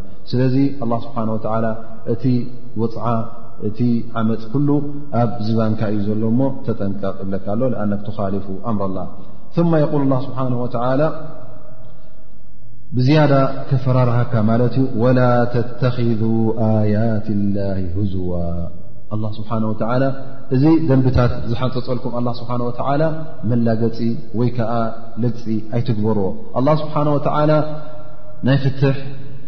ጉዳይ ኣብ ኢድካ ሂቡካ ኣሎ ኣንታ ሰብኣይ እሞኒ እዚ ፍትሕ እዚ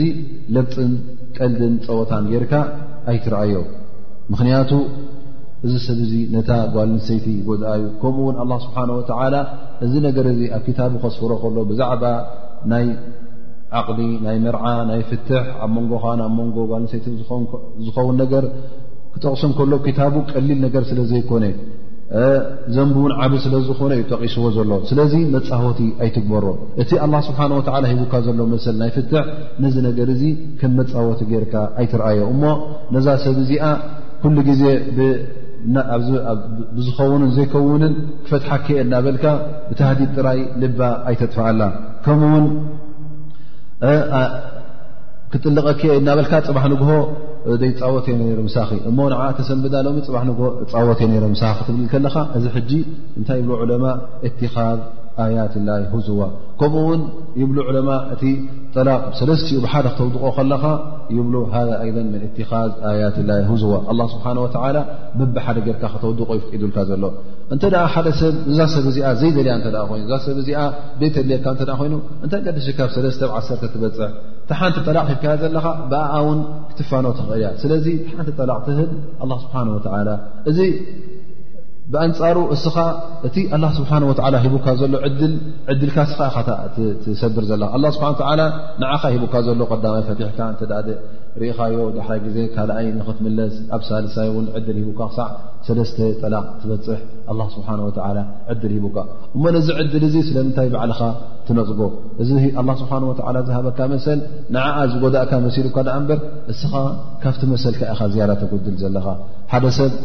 ሓንቲ ጠላቕ ክጥልቕ እንከሎ ምናልባሽ እቲ ጠላቕ ኩሉ ግዜ ብባእስን ብኩራን ስለ ዝመፅእ ምናልባሽ ኮሪኻ ብጣዕሚ ኮሪኻ ነዲርካ ትኸውን ትጠላቕ ትብል ፅባሕ ንግሆ ድሕሪ ክልተሰለስተ መዓልቲ ጌጋ ነይረ ኢልካ ትምለሰሉ ይኸውን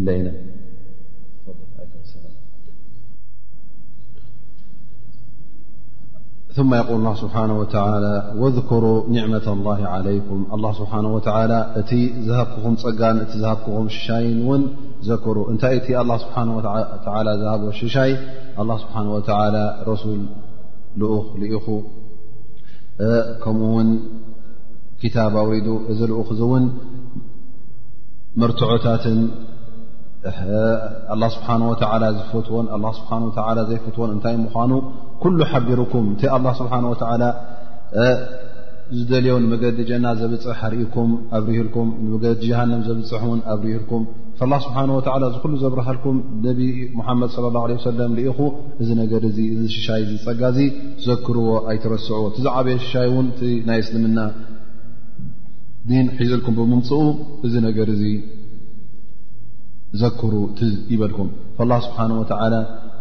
እዚ ንሪኦ ዘለና ውን ናይ መርዓን ናይ ጠላቕን ኣገባብ እዚ እንመሃሮ ዘለና ኣብዚ ኣያታት እዚ እውን ብዛዕባ ናይ ፍትሕ ናይቲ ስድራ ቤት ኣገባብ ከመይ ጌርካ ከምትምርዖ ከመይ ጌርካ ከምትፈትሕ እዚ ኩሉ እውን እቲ ዝበለፀን እቲ ዝማዕበለን ስነ ስርዓት ስለ ዝኾነ እዚ እውን ሓደ ዓብዪ ሽሻይ ከም ምዃኑ ኣይትረስዑ። ዝኾነ ይኹን ዘረባ በትን በትን ይምፃእኩም ደኣ እምበር እቶም ኣንፃር እስልምና ዝዛረቡ ኩሉ ግዜ ኣብ እስልምና ጓል ኣንሰይቲ ተወፂዓ እያ፣ ኣብ እስልምና ከምዚ ከምዚ ጌጋ ኣሎ፣ ኣብ እስልምና ከምዚ ዝብሉ እዚ ኩሉ ምንም ቅጭጭ ኣይበልኩም። ምኽንያቱ እቲ ዝማዕበለን እቲ ዝሓሸን እቲ ዝበለፀን ሕጊ ናይ ስድራ ቤት ሕጊ ናይ ማሕበረሰብ እንተደኣ ኮይኑ ኣብዚ ዲን እስላም እዩ ዘሎ እዚ እውን ዓብ ሽሻይ ዓብ ፀጋ ከም ምኳኑ ዘክርዎን ኣይትረስዕዎን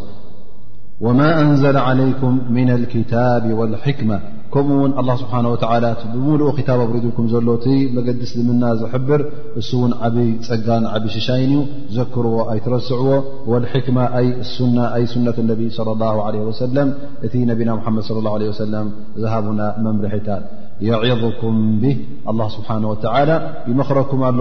እቲ ር በየን ምዃኑ የርእኩም ኣሎ እቲ እከይ በየን ምዃኑ የርእኩም ኣሎ እቲ ትእዛዝ እውን ይምእዝዘኩም ኣሎ እቲ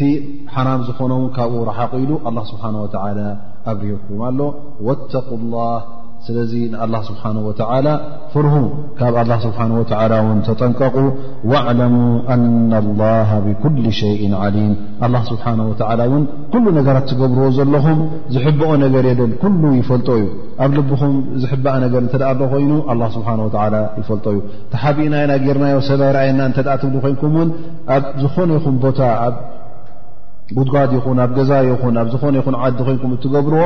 ኣላ ስብሓን ወተዓላ ይፈልጦ እዩ ፈፂሙ ዝሕባእ ነገር የብሉን ስለዚ ተጠንቀቑ ካብ ኣላ ስብሓን ወተዓላ ዝሕባእ የለን ثم يقل الله سبحنه وتعالى وإذا طلقتم النساء فبلغن أجلهن فلا تعضلوهن أن ينكحن أزواجهن إذا تراضوا بينهم بالمعروف ذلك يعظ به من كان منكم يؤمن بالله واليوم الآخر ذلك أذكى لكم وأطهر والله يعلم وأنتم لا تعلمون إ آي أون نأ وإذا طلقتم النساء فبلغن أجلهن فلا تعضلوهن أن ينكحن أزواجهنيول ابن عباس نزلت هذه الآية في الرجل يطلق امرأته طلقة أو طلقتين فتنقضي عدتها ثم يبدو له أن يتزوجها وأن يراجعها وتريد المرأ ذلك فيمنعها أولياؤها من ذلك فنهى الله أن يمنعها ሰይድና እብኒ ዓባስ እዛ ኣያ እዚኣ ብምንታይ እያ ወሪዳ እንታይ እየ መውረዲኣ ብዛዕባ እንታይ እያ ጠቅስ ዘላ ይብሉ ይብሉ ሓደ ሰብ ንኣብነት ሰበይቱ ይፈትሓ እታ ፍትሕ ድማ ቀዳመይቲ ወይ ካልኣይቲ ትኸውን እሞ እዚ ሰብ እዚ ምስ ፈትሐ እታ ግዜ ምስ ሓደፈት ናይ ዒዳ ምስ ወደአት ብድሕሪኡ ንኣብነት ዒዳኣ ምስ ወደአት ሰብኣይ ናብ ሰበይቱ ክምለስ ወይ ከዓ ከም ብሓድሽ ክምርዓዋ ይሓስብ እሳ እውን ድልት ይህልዋ እሞ እቶም ስድራኣ ድማ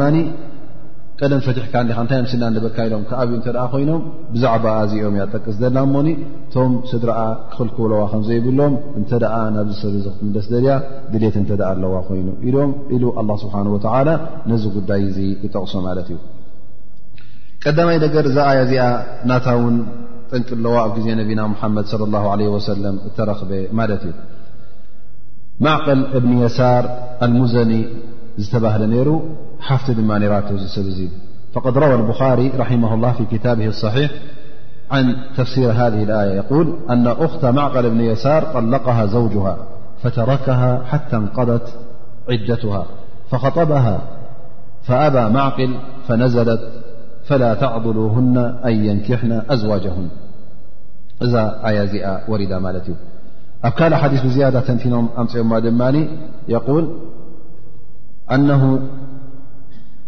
معقل بن يسار أنه زوج أخته رجلا من المسلمين على عهد رسول الله صلى الله عليه وسلم فكانت عنده ما كانت ثم طلقها تطليقا لم يراجعها حتى انقذت العدة فهويها وهوته ثم خطبها مع الخطاب فقال له يا لكع أكرمتك بها وزوجتك فطلقتها والله لا ترجع إليك أبدا آخر ما عليك قال فعلم الله حاجته إليها وحاجتها إليه إلى بعلها فأنزل الله وإذا طلقتم النساء فبلغنا أجلهن إلى آخر الآية فلما سمع معقل هذه الآية قال سمعا لربي وطاعة ثم دعاه فقال أزوجك وأكرمك وكفرت عن يميني حث ب معقل بن يسار بهر نير حفت مانرت ف تمرعومالاستمروى ድሕሪ ነዊሕ ግዜ ይፈትሓ ኣሎ ማለት እዩ ምስ ፈትሓ ሓንቲ ፍታሒ ፈትሕዋ ተፈትሓ ተን ግዜ ናይ ዕዳ ተወዲአን ፀኒሑ ፀኒሑ ሕጂ ዕዳ ምስ ተወደአት ከም ሰቡ ክሓቱላ ምስ ጀመሩ እኣ ክትከደኒያ ኢሉ መስለኒ ይመፅእ ኣሎ ማለት እዩ ኣነ እውን ክምርዓዋ ሓሰብ ኣለኹ ይብል ማለት እዩ ሓዋ ማዕቀል ዝብሎ ያሉካ ዕብሉ ኣንታ ስዲ ንሕና ቀደም ኣኽቢርና ሂብናካ ዛጓልና ጠሊቕካ ፈትሕካ ሰዲድካና እሞ ሕጅስ ክትምርዓዋ ትመፅእ ከ ኣይትሓፍርን ፈፂማ ላ እዛ ሰብዚኣ ሰማይ ተቐርበካ ኢሉ ኣይትምርዓዋ ኣይትምርዓዋ ፈፂምካ ውን ኢላ ዮም ቅያ ማለት እዩ ላ ተርጅዕ ኢለይካ ኣበዳ ኣክሩ ማ ዓለይ ፈፂማ እዛ ሰብ እዚኣስ ኣይትምለሰካ ኢሉ ይመልሶ ማለት እዩ እሳ ድማ ድልት ነርዋ ናብኡ ንክትምለስ እሱ እውን ንክመልሳ ይሓስብ ነይሩ ፈዓሊም ኣላ ስብሓን ወላ ሓጀት ኢለያ ኣ ስብሓ ወ እሱ ድልት ከም ምዃና ፈሊጡ እሳውን ትደልዮ ከም ዘላ ስለ ዝፈለጠ እዚ ጉዳይ እእውን ጌጋ ከም ምኳኑ ኣ ስብሓ ወ ሕጂ ንወል ኣምር ማለት እዩ መሰል ሂብዎ ኣሎ ስለዚ እዚ መሰል እዙ ክጥቀመሉ እንተ ደኣ ኮይኑ ነታ ጓል ንሰይ ዝጠቅም ክርኢ ኣለዎ ደኣ እምበር እሱ ናይ ነብሱ ክሓስብ የብሉን ሕጂ እሱ ፈትሕዋ እሳ ደልያቶ እሳ እንታይ ገዲሹ ካ እሶም ሕራይ ካብ ተባሃሉ እሱ እንተ ይጠቕማ ኮይኑ ንዓ ጠቅም ኮይኑ እንታይ ኣፀራረፈካ እሞ ክምለስ እተ ኢላ ክምርዐዩ መርዓወን እተ ኣፍቂዳ እዛ ሰብ እዚኣ ክትምለሰ እዚ ሰብ እዚ እውን እዛ ኣያ እዚኣ ምስ ወረደት ይብል ሰምዐን ወጣዓተን ረቢ ንኣላ ስብሓን ወተላ ንሰምዖን ንጥይዖን ንምእዘዞን ይብል እሞ ነቲ ሰብኣያ ዝነበረ ንዓ ኢሉ ይፅውዖ ኣመርዐካ ኣለኹ ሕጂ እውን ከም ቀደመ ኢሉ ከም ንሓድሽ የመርዕዎ ማለት እዩ እታ ዝመሓልክዋ ድማ ወላ ኢሉ ዝመሓላ እንታይ ይገብራ ማለት እዩ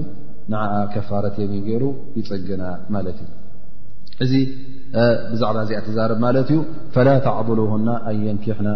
ኣዝዋጃም እዚ ኣያ እዚኣ ድማ ብ ዑለማ እንታይ ተርእካ ፈላ ተዕضሉና ዝብል ዘሎ ኣ ስብሓ ንመን እዩ ነቶም ኣውልያ ናታ ማለት እዩ ማለት ኣቦኣ ክኸውን ከሎ እቲ ዘመርዕዋ ማለት እዩ ዩስተፋዱ ምን ሊክ ካብዚ እንታይ ንጥቀም ኣነ ላ ኒካሓ ኢላ ብወልይ ማለት መርዓ ክርከብ ከሎ ዓቕዲ ክኸውን ከሎ ወልይ ክህሉ ኣለዎ ማለት ኣቦ ክህሉ ኣለዎ ነዛ ሰብ እዚኣ ነዛ ጓ ንሰይቲ ክትመርዖ እተ ኮይና እተ ኣቦ ዘየለ ወል እተ ዘየለ እቲ መርዓ ባጥል ምኳኑ የል ነቢ ለ ላ ሰለ ከ ጃ ሓዲ ላ ዘውጁ መርኣቱ ኣልመርኣታ ማለት ጓ ንሰይቲ ጓ ንሰይቲ ተመርዑን ያው ወል ኮይና ማለት እዩ ወላ ዘውጁ መርኣ ነፍስሃ ከምኡውን ጓ ንሰይቲ ነፍሳ ባዕላ ኣይትምርዓውን እያ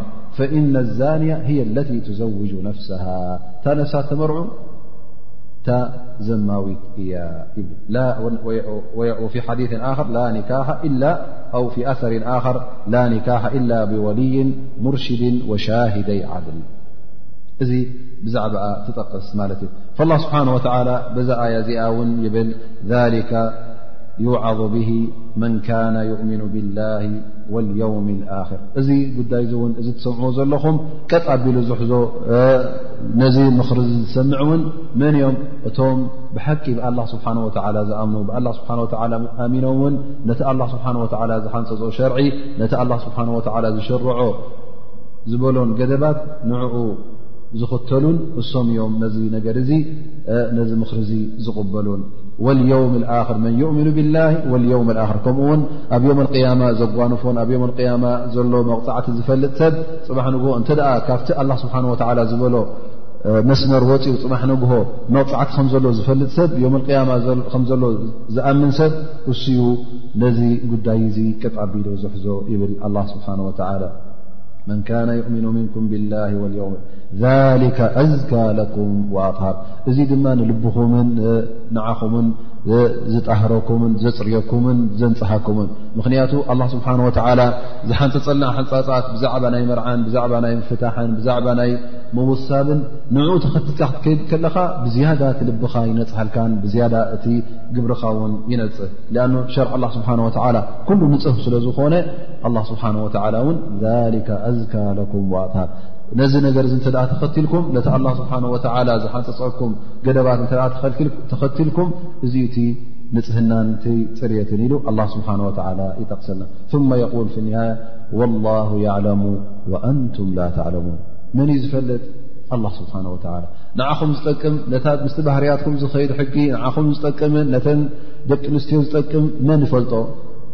ኣላ ስብሓን ላ እስኹም ንዓኹም ዝጠቅም ኣይትፈልጡን ኢኹም ምክንያቱ እቲ ተዋህበኩም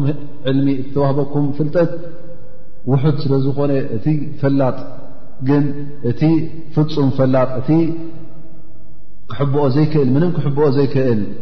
ጎይታን ፈጣርን ኣላ ስብሓን ወላ ስለ ዝኾነ እሱ እዩ ንዓኹም ዝጠቅምን ንዓኹም ዝኸውንን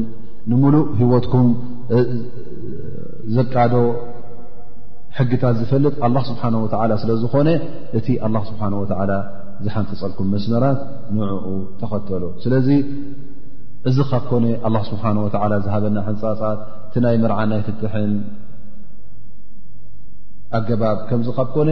እንተ ደኣ ካብኡ ወፂና ካልእ ሕንፃፃት ካልእ መደባት ወይ ከዓ ካልእ ሕግታት እንተ ደኣ ክንደሊን ክንናድን ኣቲና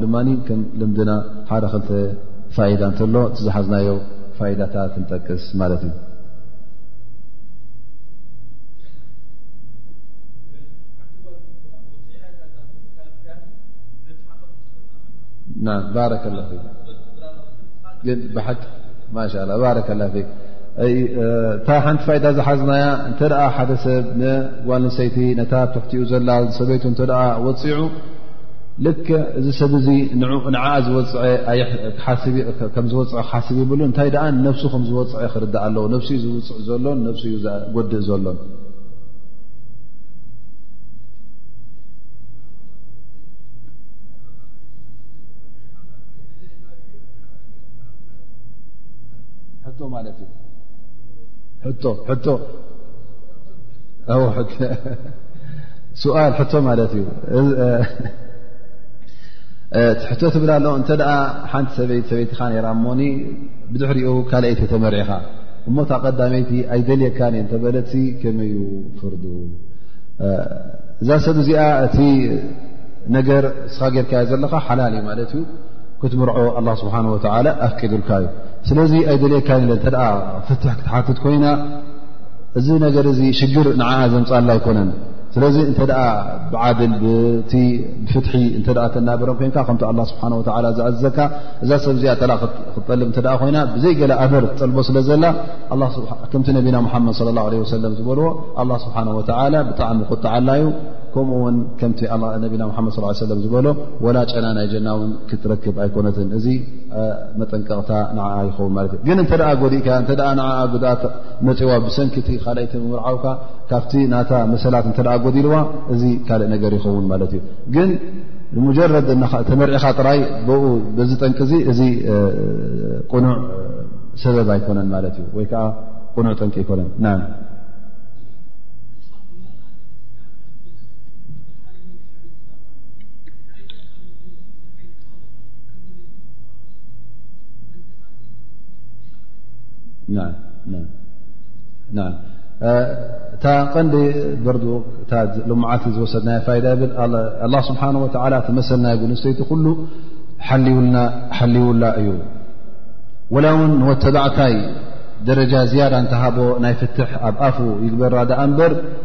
እቲ ኩሉ መሰላታ ሕል ስለ ዝኾነ እዚ ሰብኣይ እዚእውን ከም ድላዩ ክፃወተላ ኣይክእልን እዩ እተን ተዋሂቦን ዘሎ መሰላት ውን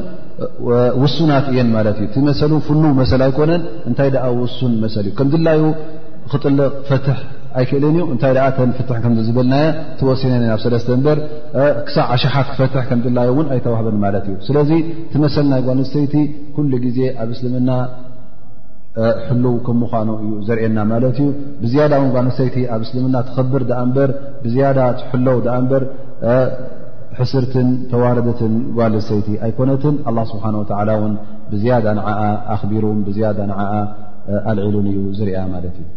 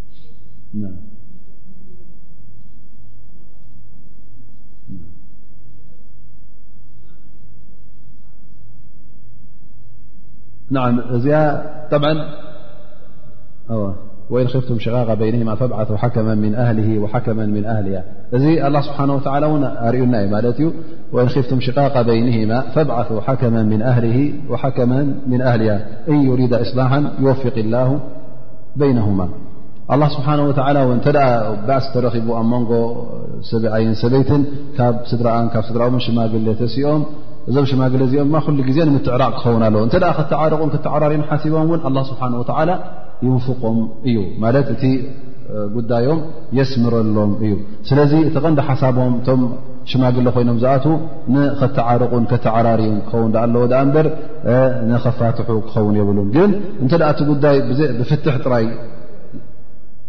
ዝጭረስ ኮይኑ እቲ መፍትሒ ናት ብዘይካ ፍትሕ ካልእ ዘይብሉ እተ ኮይኑ ኣላ ስብሓን ወላ ነቲ ጉዳይ እውን መፍትሒ ገይርሉ ማለት እዩ ብፍት ፍታሕ ከም ዘለዎ ኣቁሉ ቀውሊ ሃ ኣስተፍሩ ላ ወለኩም ኣስ ላ ስብሓን ወላ